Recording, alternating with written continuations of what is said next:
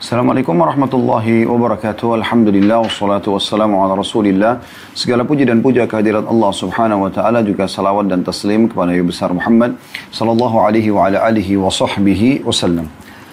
Lanjutkan pada kita teman-teman sekalian, Sahih Targhib Tarhib dan kita masih dalam kitab sedekah.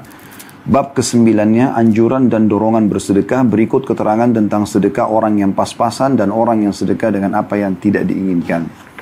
Kita akan masuk hadis ketujuh pada bab ini. Saya langsung saja bacakan.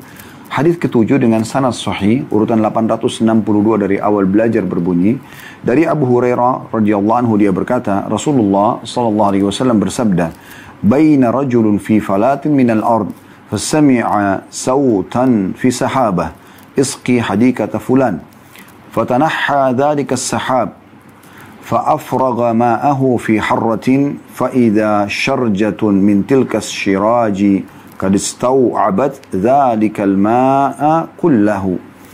فتتبع الماء فإذا رجل قائم في حديقته يحول الماء بمسحاته. فقال dalam lahu ya Abdullah masmuk qala fulan lil, lil ismi alladhi sami'a fi sahaba فقال له يا عبد الله لما تسألني عن اسمي قال إني سمعت صوتا في السحاب الذي هذا ماؤه يقول اسقي حديقة فلان لاسمك فما تصنع فيها قال أما أما إذا قلت هذا فإني أنظر إلى ما يخرج منها فأتصدق بثلثه وآكل أنا وعيالي ثلثا وأرد فيها ثلثه Artinya, manakala seseorang laki-laki berada di tanah yang sepi, dia mendengar suara di awan. Tiba-tiba di awan ada suara terdengar. Siramilah ladangnya si fulan. Lalu awan itu bergerak dan menumpahkan airnya di tanah berbatu hitam. Ternyata salah satu parit telah menampung semua air itu. Lalu laki-laki itu mengikuti air tadi atau arah air. Ternyata ada seseorang laki-laki di sebuah kebunnya yang berusaha membelokkan arah air dengan gayungnya. Dia bertanya, Orang ini bertanya kepada pemilik kebun, Wahai hamba Allah, siapa namamu? Lalu dia menjawab, Fulan, nama didengarnya dari suara di awan tadi. Maka orang yang tadi datang ini, yang mendengar suara dari awan, bertanya lagi kepada pemilik kebun. Uh, maaf, pemilik kebun bertanya kepada dia, Mengapa engkau menanyakan tentang namaku, wahai hamba Allah? Maka yang bertanya mengatakan, Sungguhnya aku telah mendengar suara di awan di mana airnya adalah yang mengalir ini. Suara itu mengatakan siramilah kebun fulan dan menyebutkan namamu. Apa yang kamu lakukan dengan kebunmu ini? Maka pemilik kebun berkata atau menjawab, karena kamu telah berkata demikian, maka aku akan menceritakan bahwa aku melihat hasil kebunku.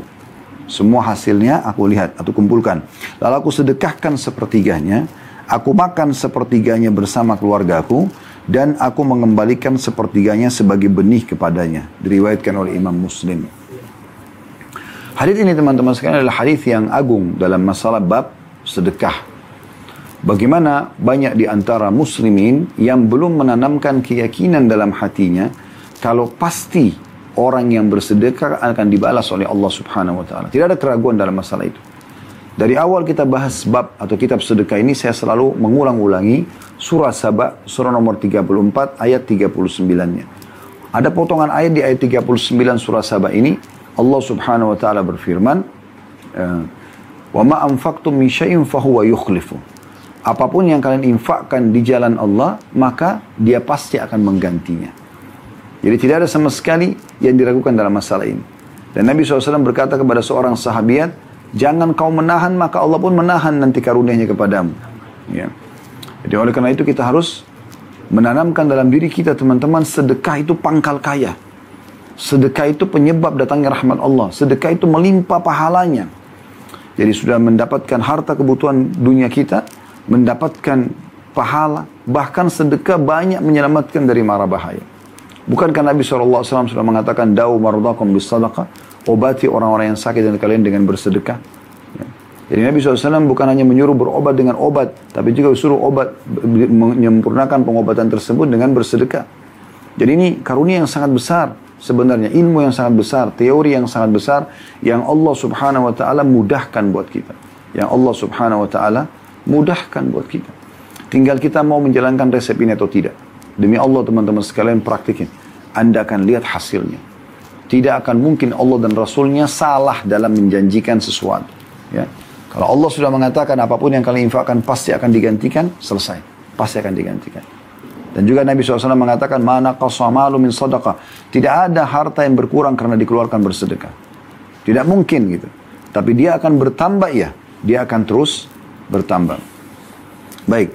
Dari kisah ini kita bisa lihat Ya, saya kembali mere, uh, coba um, merangkah lagi kembali kisahnya. Jadi dikisahkan oleh Nabi SAW pada seseorang lagi di tanah gersang. Dia tiba-tiba melihat ada awan lewat di atasnya. Gelap, mendung, ya, tapi tidak banyak.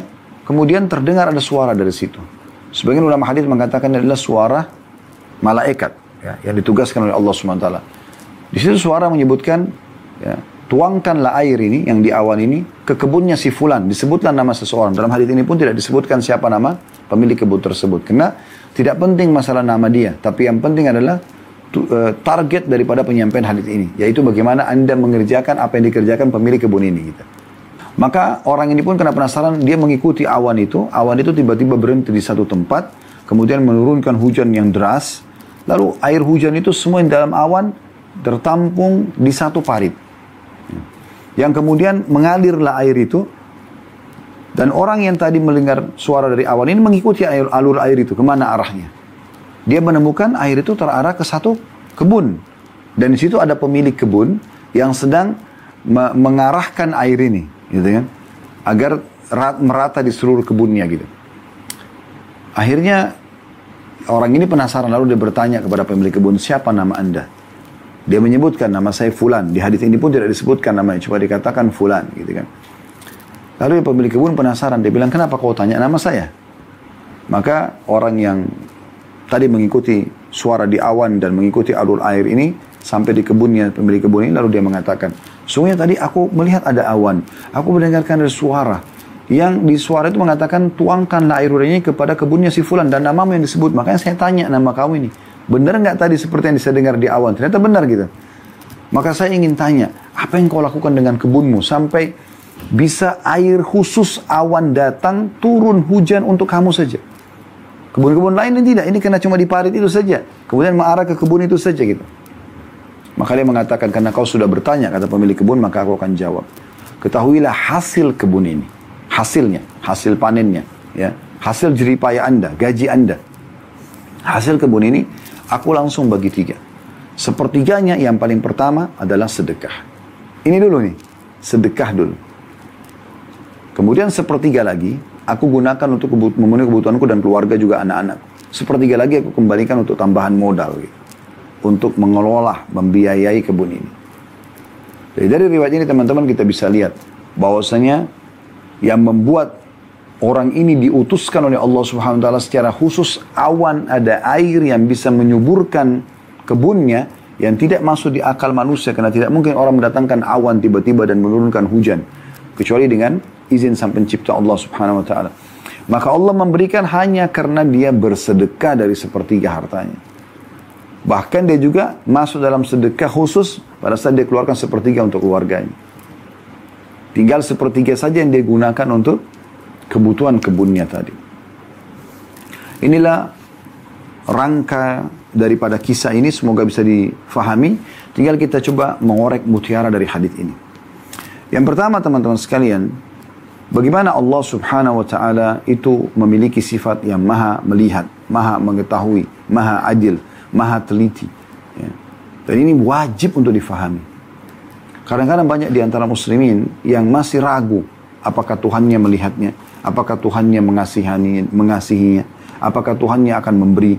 Apakah Tuhannya ya uh, apa namanya akan menghukumnya kalau dia melakukan kemaksiatan? Ini masih terus saja berputar-putar karena kurang yakin dengan asma sifat, nama-nama dan sifat-sifat Allah yang mulia. Allah itu teman-teman sekalian alim, maha mengetahui.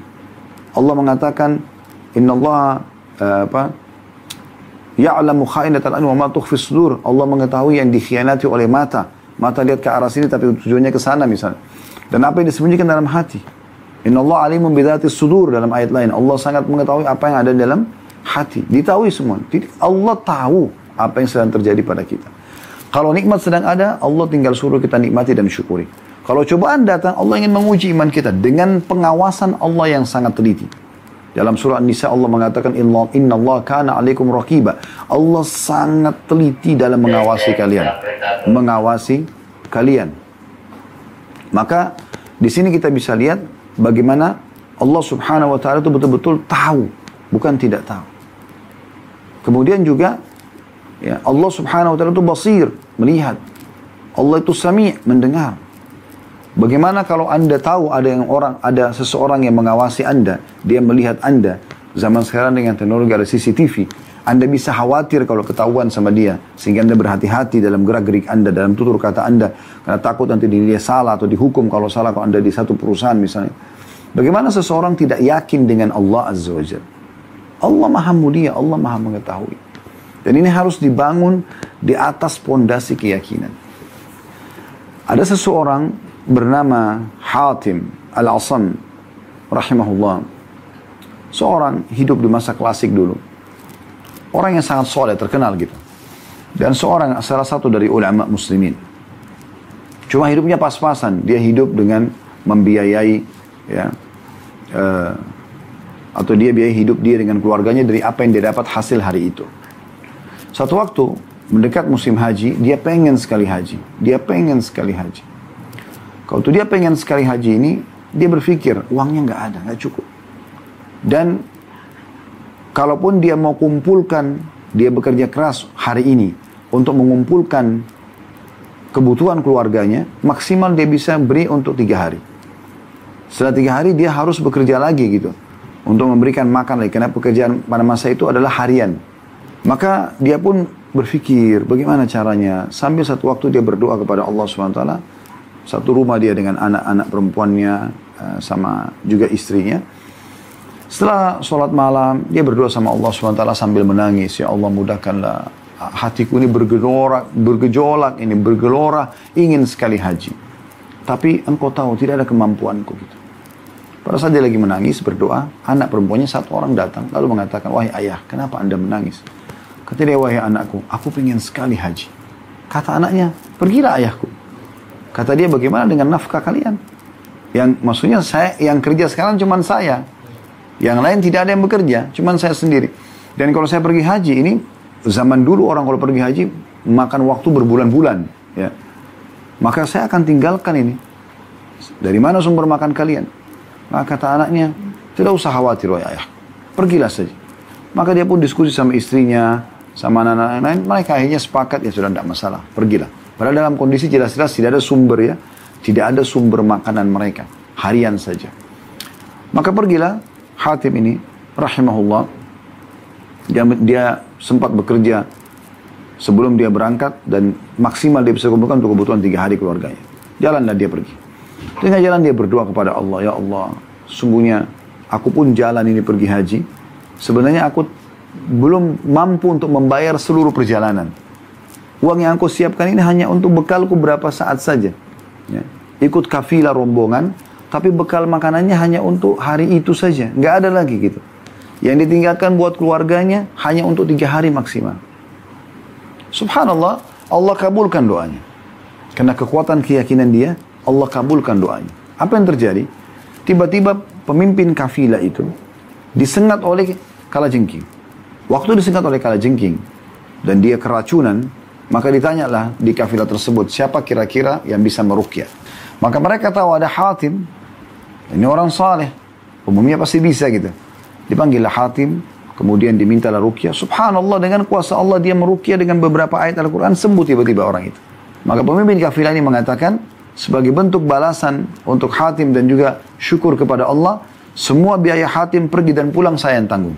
Maka Hatim gembira sambil bersenyum dan berdoa kepada Allah mengatakan, Ya Allah, Sesungguhnya inilah cara kamu untuk membiayai hajiku gratis. Tapi tersisa ya Allah, urusan keluargaku. Aku cuma tinggalkan buat mereka tiga hari. Berjalanlah hatim tersebut. Tidak disebutkan lagi dalam kisah ini, tinggal masuk kepada keluarganya. Setelah tiga hari mereka kehabisan makanan. Dan tidak ada yang bisa bekerja. Maka tiba-tiba sang ibu duduk sama anak-anaknya sambil mengatakan, ini apa solusinya? Kita kelaparan hari ini. Gak ada makanan nih hari keempat sekarang. Ayah kalian pergi haji. Maka anak perempuan tadi yang bilang, menyampaikan pada ayahnya pergi saja, ya, itu tiba-tiba saja dia mengatakan atau tersenyum, tertawa ya. Lalu kata ibunya, kenapa kau tertawa? Kita lagi dalam kondisi kelaparan. Dia mengatakan, wahai ibu, wahai saudara-saudaraku yang ada di situ.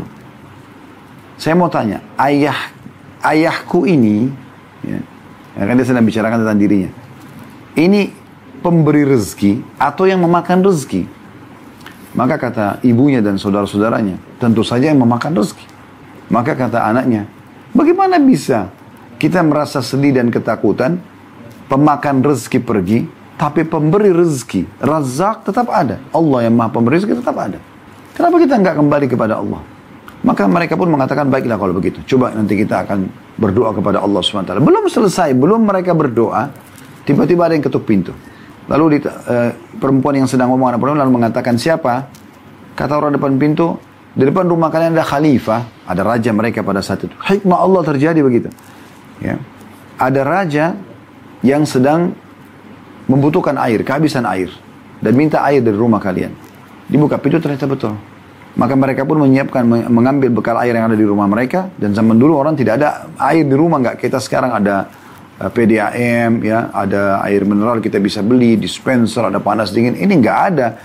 Orang itu cuma ambil satu gentong air atau satu ember, mereka pakai rame-rame di rumah. Kalau habis mereka harus cari sumber mata air atau sumber untuk mengambilnya.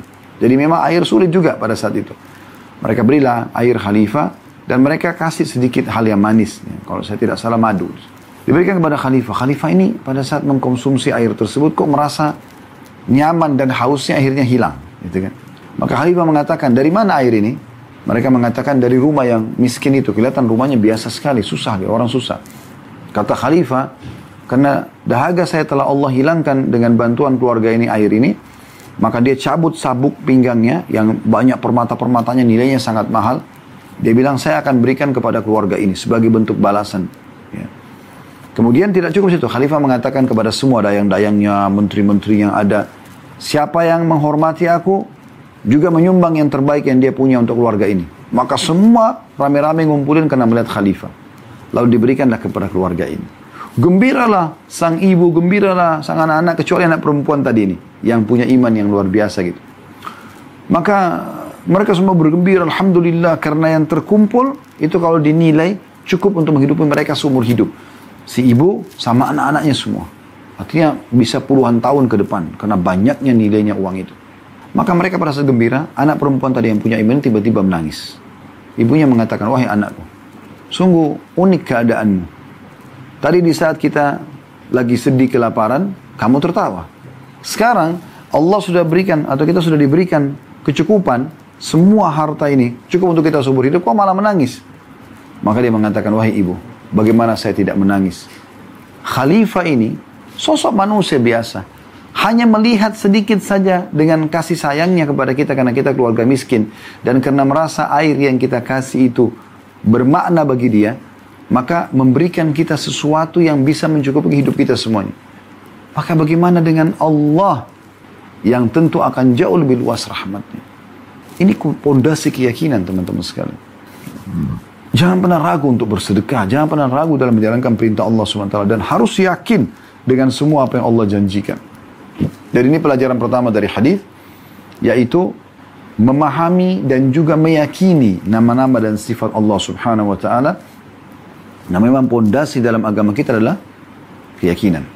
Kemudian pelajaran yang kedua, bagaimana kedudukan sedekah, mulianya sedekah itu. Sampai-sampai karena orang ini rutin bersedekah dan tidak tanggung-tanggung ya, sepertiga dari pendapatan dia untuk sedekah. Sepertiga.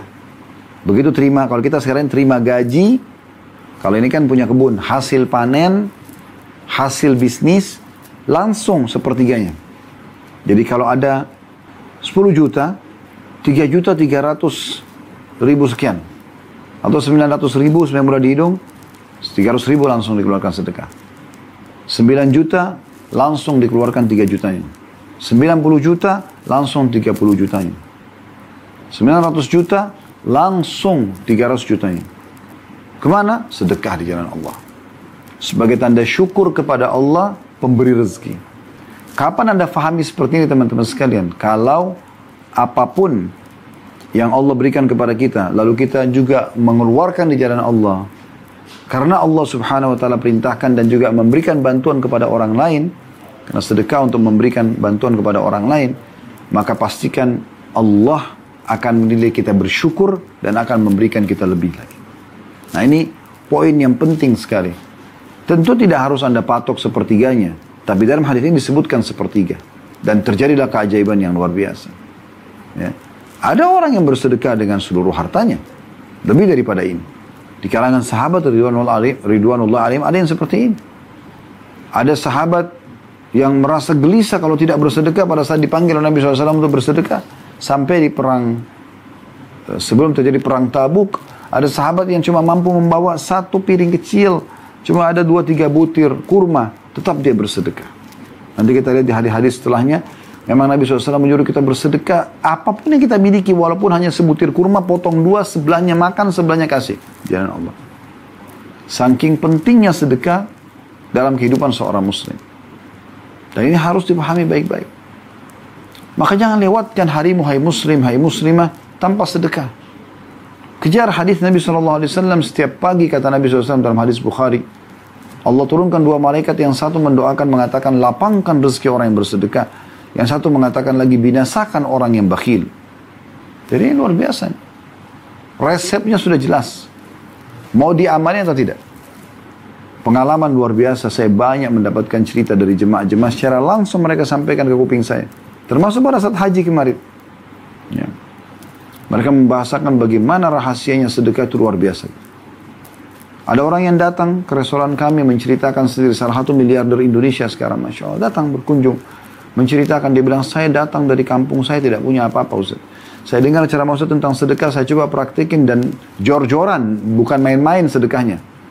Betul-betul dia bersedekah dengan nilai yang tidak masuk di akal orang. Bahkan dia pernah titipkan sedekahnya kepada kami gitu. Memang saya lihat sedekah yang mungkin belum pernah selama hidup saya ada orang yang bersedekah sebanyak ini gitu. Dan luar biasa gitu. Dia betul-betul meyakini dalam hatinya ini akan datangkan rezeki yang melimpah. Dan betul. Dan subhanallah salah satu bukti keberkahan harta yang dia sedekahkan. Waktu dititipkan kepada kami. Kami mengeluarkan di banyak kegiatan sosial. Dan itu uang tidak habis-habis subhanallah. Kegiatan ini, kegiatan itu banyak. Tapi masih ada saja. Saya sampai berpikir sendiri. Subhanallah yang telah memberikan keberkahan di harta orang ini. Sudah Allah limpahkan usahanya berkembang pesat hartanya banyak gitu kan.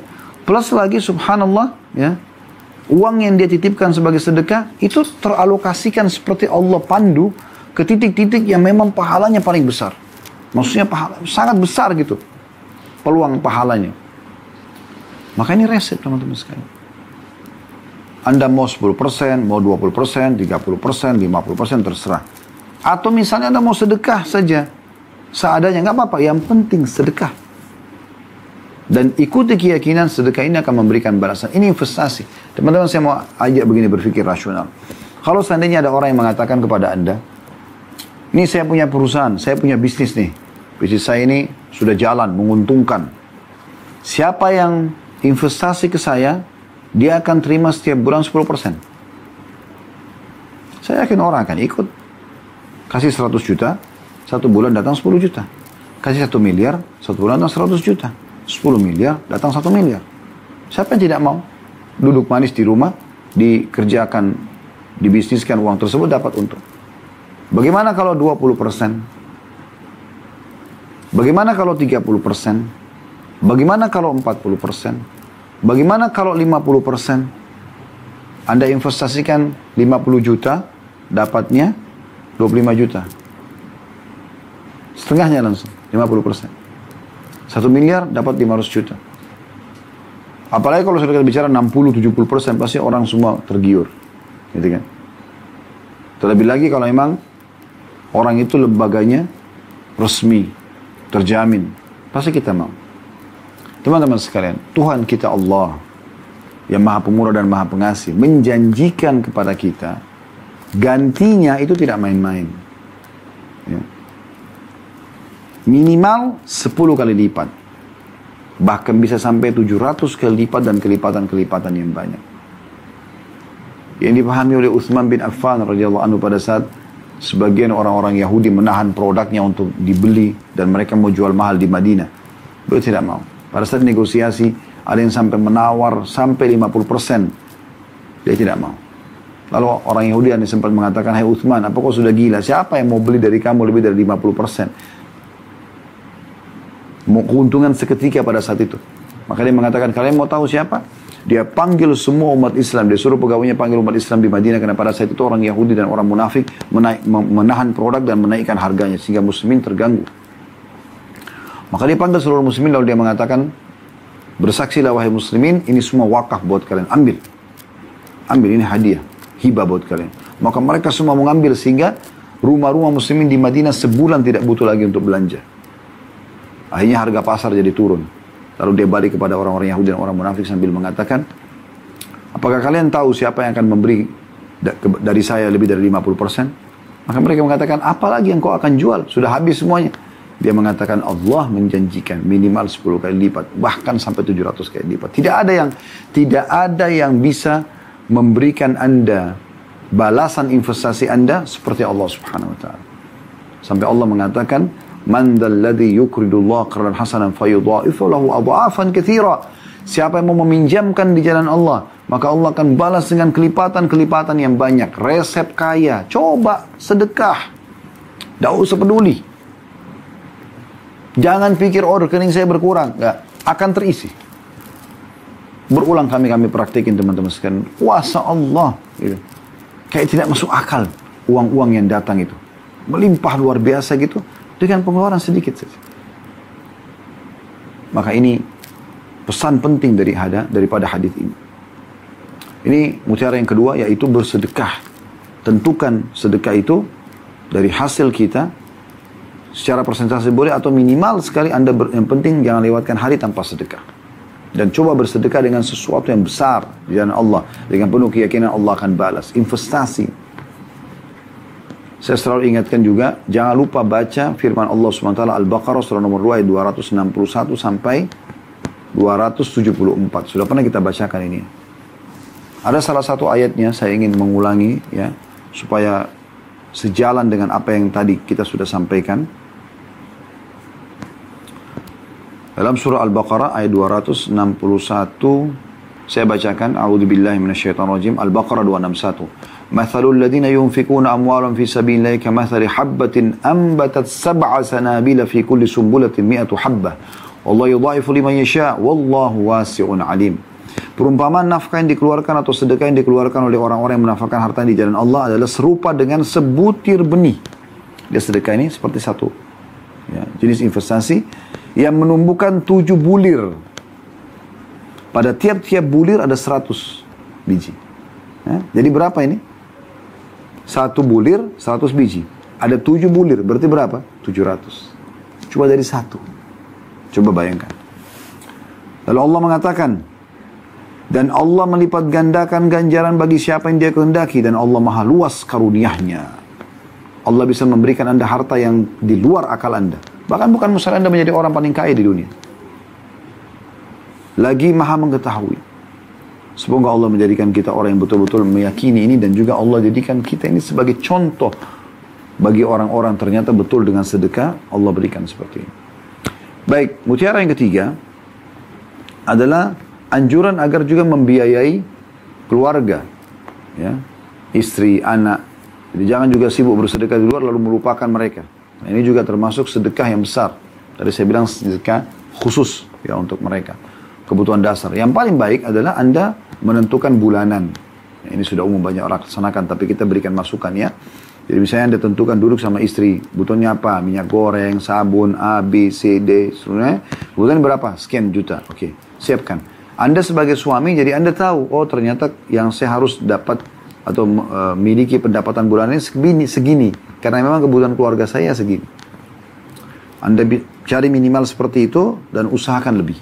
Lebihnya nanti untuk kebutuhan pribadi Anda, kebutuhan sedekah, bantu kerabat, dan seterusnya. Ini poin penting. Kemudian mutiara yang keempat dari hadis adalah dan juga ada anjuran dalam hadis ini untuk ya mengembalikan juga dari hasil usaha ini ke investasi yang sudah kita investasikan. ke usaha yang sudah kita investasikan. Sepertiganya kita bisa kembalikan sebagai tambahan modal. Berarti juga ada anjuran nih agar mengembangkan usaha, gitu kan? Jadi bukan cuma stuck di situ saja, ya. vakum di situ, tapi kita kembangkan, kita kembangkan. Ya. Ini poin juga kita bisa ambil daripada hadis ini. Baik teman-teman sekalian kita lanjutkan lagi di hadis selanjutnya. Hadis ke-8 dalam bab ini dan urutan 863 dari awal belajar. Dengan sanad sahih dari Adi bin Hatim radhiyallahu anhu dia berkata, aku mendengarkan Rasulullah sallallahu alaihi wasallam bersabda, "Ma minkum min ahadin illa sayukallimuhu Allah, laisa bainahu wa bainahu turjuman." فينظر أينما منه فلا يرى إلا ما قدم فينظر أشأم منه فلا يرى إلا ما قدم فينظر بين يدي فلا يرى إلا النار تلقاء وجهه Fattakun nara walau bisyikki tamrah. Tidak ada seorang pun dari kalian, kata Nabi SAW, kecuali Allah akan berbicara kepadanya tanpa ada penterjemah. Lalu dia melihat ke sebelah kanan, maka dia tidak melihat kecuali amal perbuatannya. Dan dia melihat ke sebelah, ke sebelah kiri, maka dia juga tidak melihat, maka dia pun tidak melihat kecuali amal perbuatannya. Dia melihat ke depannya, maka dia tidak melihat kecuali neraka di depan wajahnya. Maka berlindunglah kalian dari api neraka walaupun hanya bersedekah dengan separuh kurma. Dalam riwayat lain, Man istata'a minkum an yastatira minan nari walau bisyikki tamra falyaf'al. Barang siapa dari kalian yang bisa berlindung dari api neraka walaupun hanya dengan bersedekah separuh kurma, maka hendaklah dia melakukannya. Saya langsung bacakan beberapa riwayat ya karena mirip. Hadis ini riwayat Bukhari Muslim. Di urutan nomor 9 dari awal belajar dengan sanad sahih di ghairihi menjadi sahih karena dikuatkan dengan riwayat-riwayat lain. Dari urutan 864 dari awal belajar berbunyi dari Abdullah bin Mas'ud radhiyallahu anhu dia berkata, Rasulullah SAW bersabda, "Liyattaqi ahadukum wajhahu nara walau bisyiqqi tamra." Walau bisyiqqi tamra. Hendaklah salah seorang dari kalian melindungi wajahnya dari api neraka walaupun hanya dengan bersedekah separuh kurma. Hadis ini diriwayatkan Ahmad dengan sanad sahih. Hadis nomor 10 mirip juga dengan ini. Dengan sanad Hasan di ghairihi menjadi Hasan karena dikuatkan dengan riwayat-riwayat lain. Dan urutan 865 dari awal belajar berbunyi dari Aisyah radhiyallahu anha dia berkata, Rasulullah sallallahu alaihi wasallam bersabda, "Ya Aisyah, ya Aisyah tu Isht, eh, maaf saya ulangi, ya Aisyah tu istatiri minan nari walau bisyikki tamrah." fa'innaha tasuddu minal ja'i masaddaha minasy syab'an wahai Aisyah berlindunglah dari api neraka walaupun hanya dengan bersedekah separuh kurma. Karena ia menutupi hajat bagi orang yang lapar sebagaimana menutupi hajat orang yang kenyang. Tiga buah urutan hadith ini dari nomor 8 sampai nomor 10 yang kurang lebih tujuannya sama yaitu menyampaikan tentang pentingnya sedekah walaupun hanya dengan separuh kurma. Kita coba ambil mutiara-mutiara hadis. Yang pertama, ada penjelasan dari hadis nomor 8 bahwasanya tidak ada seorang pun di antara kita kecuali akan berbicara dengan Tuhannya berdua. Dan ini wajib diimani apa adanya. Tidak boleh ada keraguan sedikit pun. Kalau kita akan bertemu dengan Tuhan kita. Allah menyebutkan di akhir surah Al-Kahfi dan kita dianjurkan baca di hari Jumat dan malam Jumat "Man kana yarju liqa'a rabbih falyamal amalan salihan wa la yusyrik bi ibadati rabbih ahada."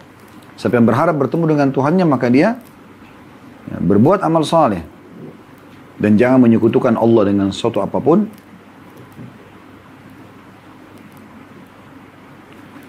Uh, dari ayat ini kita bisa lihat bagaimana kita akan bertemu dan cukup banyak tentu dalil-dalil tentang masalah ini. Tapi yang jelas kita harus yakin bahwasanya kita akan bertemu dengan Allah SWT. Dalam riwayat lain, kata Nabi SAW, kalian akan melihat Tuhan kalian pertama kali di mahsyar dalam bentuk cahaya yang sangat atau uh, nampak seperti cahaya terang di bulan purnama. Ya. Jadi memang belum bisa melihat Allah SWT. Allah akan dilihat nanti pertama kali di surga, oleh ahli surga sebagai nikmat terbesar di surga. Sebagaimana dijelaskan juga dalam hadis-hadis Nabi alaihi salatu wassalam. Beliau mengatakan bahwa saya nanti pada hari kiamat setelah ahli surga semua masuk ke dalam surga, maka Allah subhanahu wa ta'ala berfirman kepada para ahli surga, apakah kalian sudah puas dengan apa yang aku berikan? Maka mereka spontan semua mengatakan, ya kami mau nikmat apa lagi ya Allah? Kami mau apa lagi setelah engkau selamatkan kami dari neraka dan engkau masukkan kami ke dalam surga? Maka pada saat itu kata Nabi SAW, Allah mengangkat hijabnya, pembatas antara dia dengan hamba-hambanya. Maka mereka pertama kali melihat Allah subhanahu wa ta'ala dan mereka serentak semua mengatakan ahli surga. Setelah mereka nikmati istana, dayang-dayang, kebun-kebun dan segala macam lah baca surga yang luar biasa. Maka mereka mengatakan tidak ada nikmat mengalahkan nikmat melihat wajahmu yang mulia. Maka Allah pun memperlihatkan dirinya kepada mereka setiap pagi dan petang. Dan ada doa yang diajarkan Nabi Shallallahu Alaihi Wasallam dalam tahiyat atau sebelum salam di tahiyat terakhir ya. Di antara potongan doa adalah wa as'aluka laddatan nadhara ila wajhik. Ya Allah aku meminta kelezatan melihat wajahmu.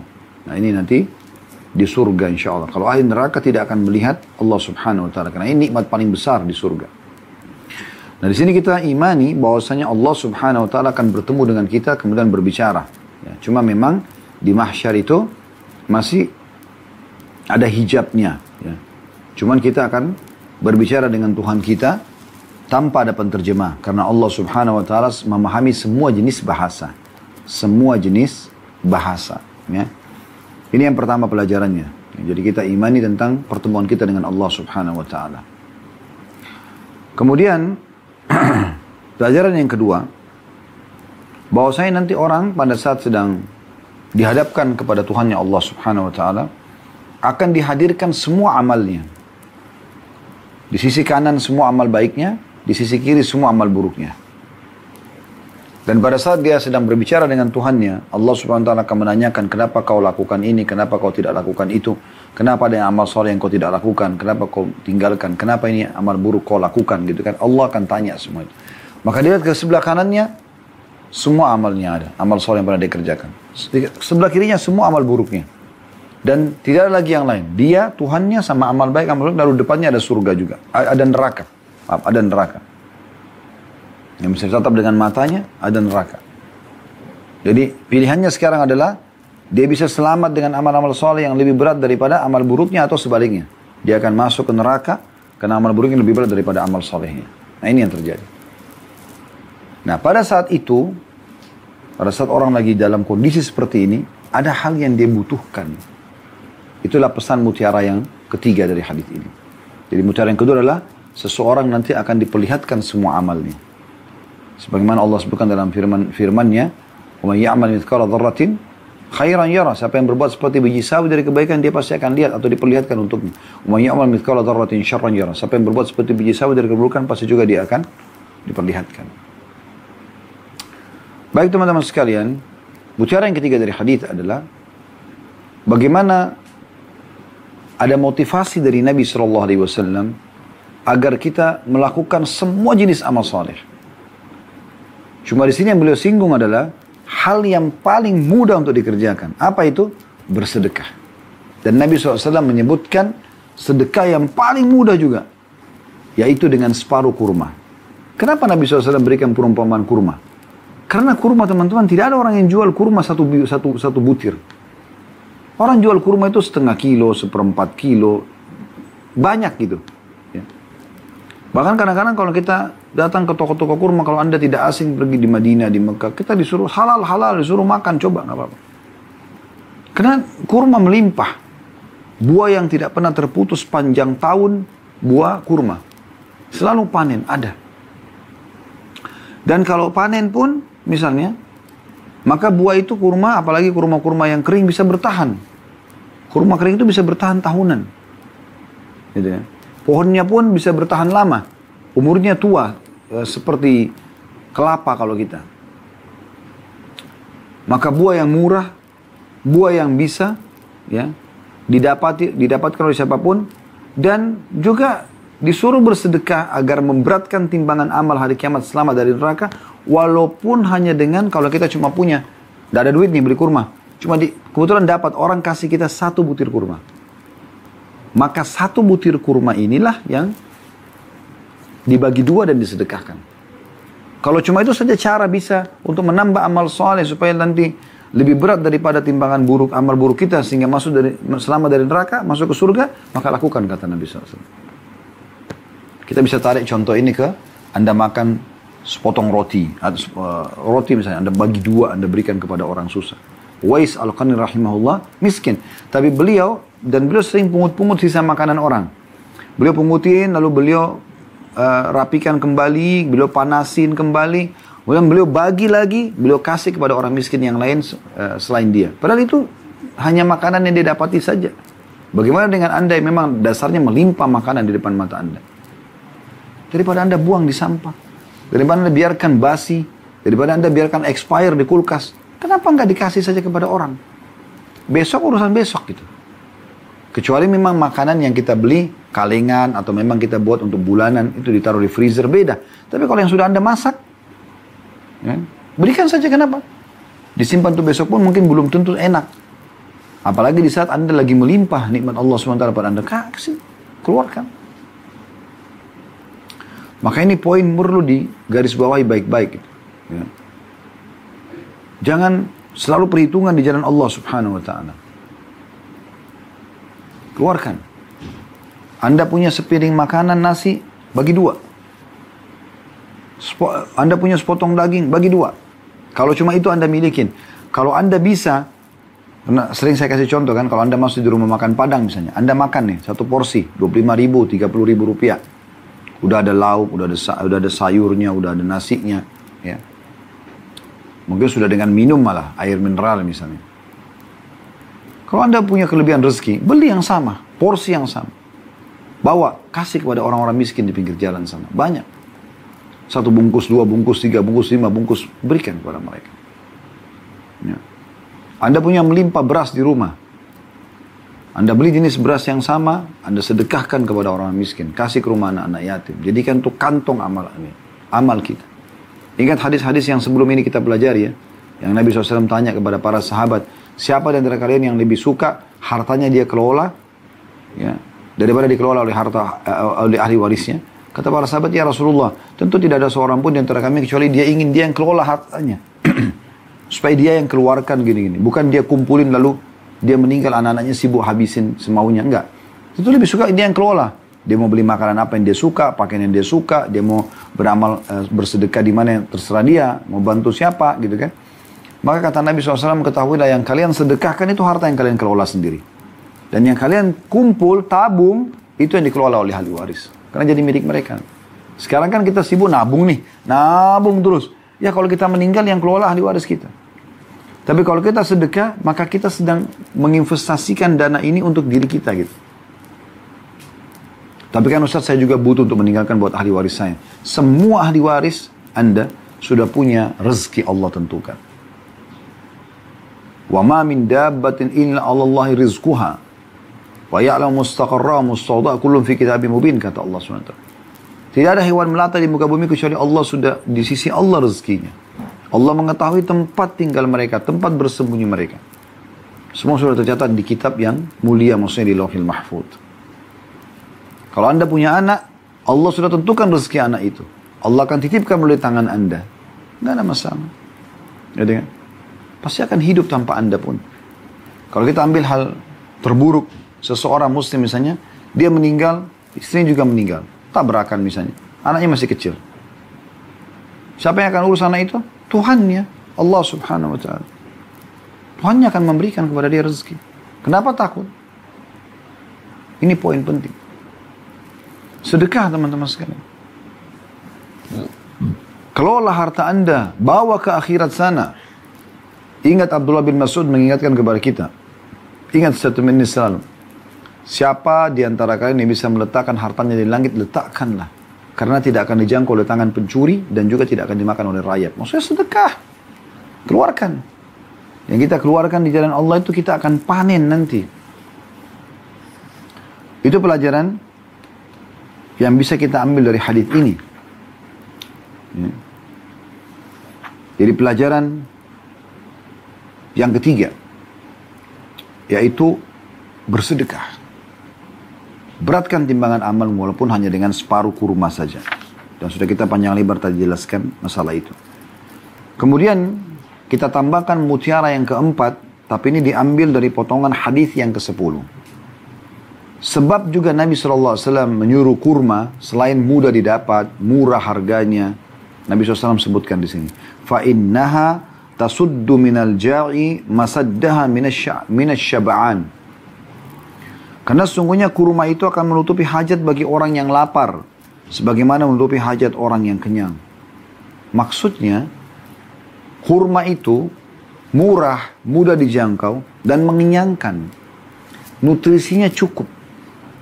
Mencukupi. Kurma itu luar biasa gitu. Makanya Nabi SAW mengatakan bagi orang yang puasa ya, sebaik-baik makanan bagi orang yang berbuka puasa adalah kurma. Pada kita seharian belum minum, belum makan, kurma yang disuruh. Dan sebaik-baik makanan orang mukmin pada saat sahur adalah kurma. Kurma terus. Maka kurma ini jangan dimakan pada saat buka puasa saja. Dan jangan mengatakan, oh itu kan di negara Arab kalau setiap saat makan kurma. Anda pun bisa setiap saat makan kurma. Kenapa Anda tidak rutinkan kurma ini menjadi cemilan Anda? Buah mulia, buah yang Allah siapkan di dunia, mudah didapatkan dan dijadikan perumpamaan dalam sedekah ini. Juga di sini dipastikan ya, dia bisa menghilangkan lapar. Kalau kita kasih ke orang miskin dan dia makan kurma, itu sudah cukup menutupi kebutuhan hilangnya laparnya. Sebagaimana juga bisa mengenyangkan kalau mau dijadikan sebagai bahan yang mengenyangkan. Apalagi kalau Allah mudahkan rezeki buat anda, anda bisa mengkonsumsi kurma ajwa Madinah setiap hari tujuh butir. Masih ingat hadis Nabi SAW? Siapa yang mengkonsumsi ajwa Madinah tujuh butir. Maka dia akan selamat dari semua racun dan juga sihir. Semua racun. Aman. Jaminan dari Nabi SAW. Lalu kenapa nggak makan kurma? Mudah dijangkau. Di Indonesia juga sekarang sudah merata dijual di mana-mana. Di kota Anda tidak ada, Anda pesan dari kerabat dan teman-teman di kota-kota lain. Kami ada di toko jual kurma, sangat mudah mendapatkannya. Di mana-mana Anda bisa dapatkan. Kami bisa beli setiap saat. Dan juga harganya sangat murah. Anda mau yang paling murah ada, sampai yang mahal pun ada. Tapi yang paling mahal, ajwa mungkin antara 300 sampai 500 ribuan harganya kalau pun yang sangat bagus gitu. Satu kilo. Satu kilo itu kalau Anda makan tujuh, pengalaman kami ya, kalau Anda makan tujuh butir per hari, mungkin bisa bertahan antara delapan hari sampai sembilan harian. Artinya sepertiga hidup Anda satu bulan terpenuhi itu dengan satu kilo. Tapi kalau Anda mau cari kurma, yang 50 ribu per kilo, 100 ribu per kilo, ada semua. Ada kurma-kurma yang dari Mesir satu dus 10 kilo. 10 kilo harganya 250 ribu. Jadi 25 ribu satu kilo. Bagus kualitasnya. Cukup. Gitu kan. Kalau itu cuma itu kemampuan. Konsumsi kurma. Kenapa nggak konsumsi prim? Ini bagian daripada hal yang dianjurkan. Dan bukan cuma di dunia. Kalau Anda baca dalam surah Ar-Rahman. Penjelasan tentang pohon-pohon di surga.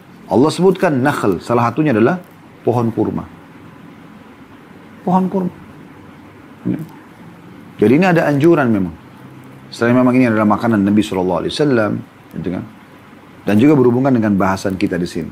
Jadi kalau kita bagikan kurma kepada orang-orang yang miskin, orang yang kelaparan itu kurma bisa menutupi lapar mereka.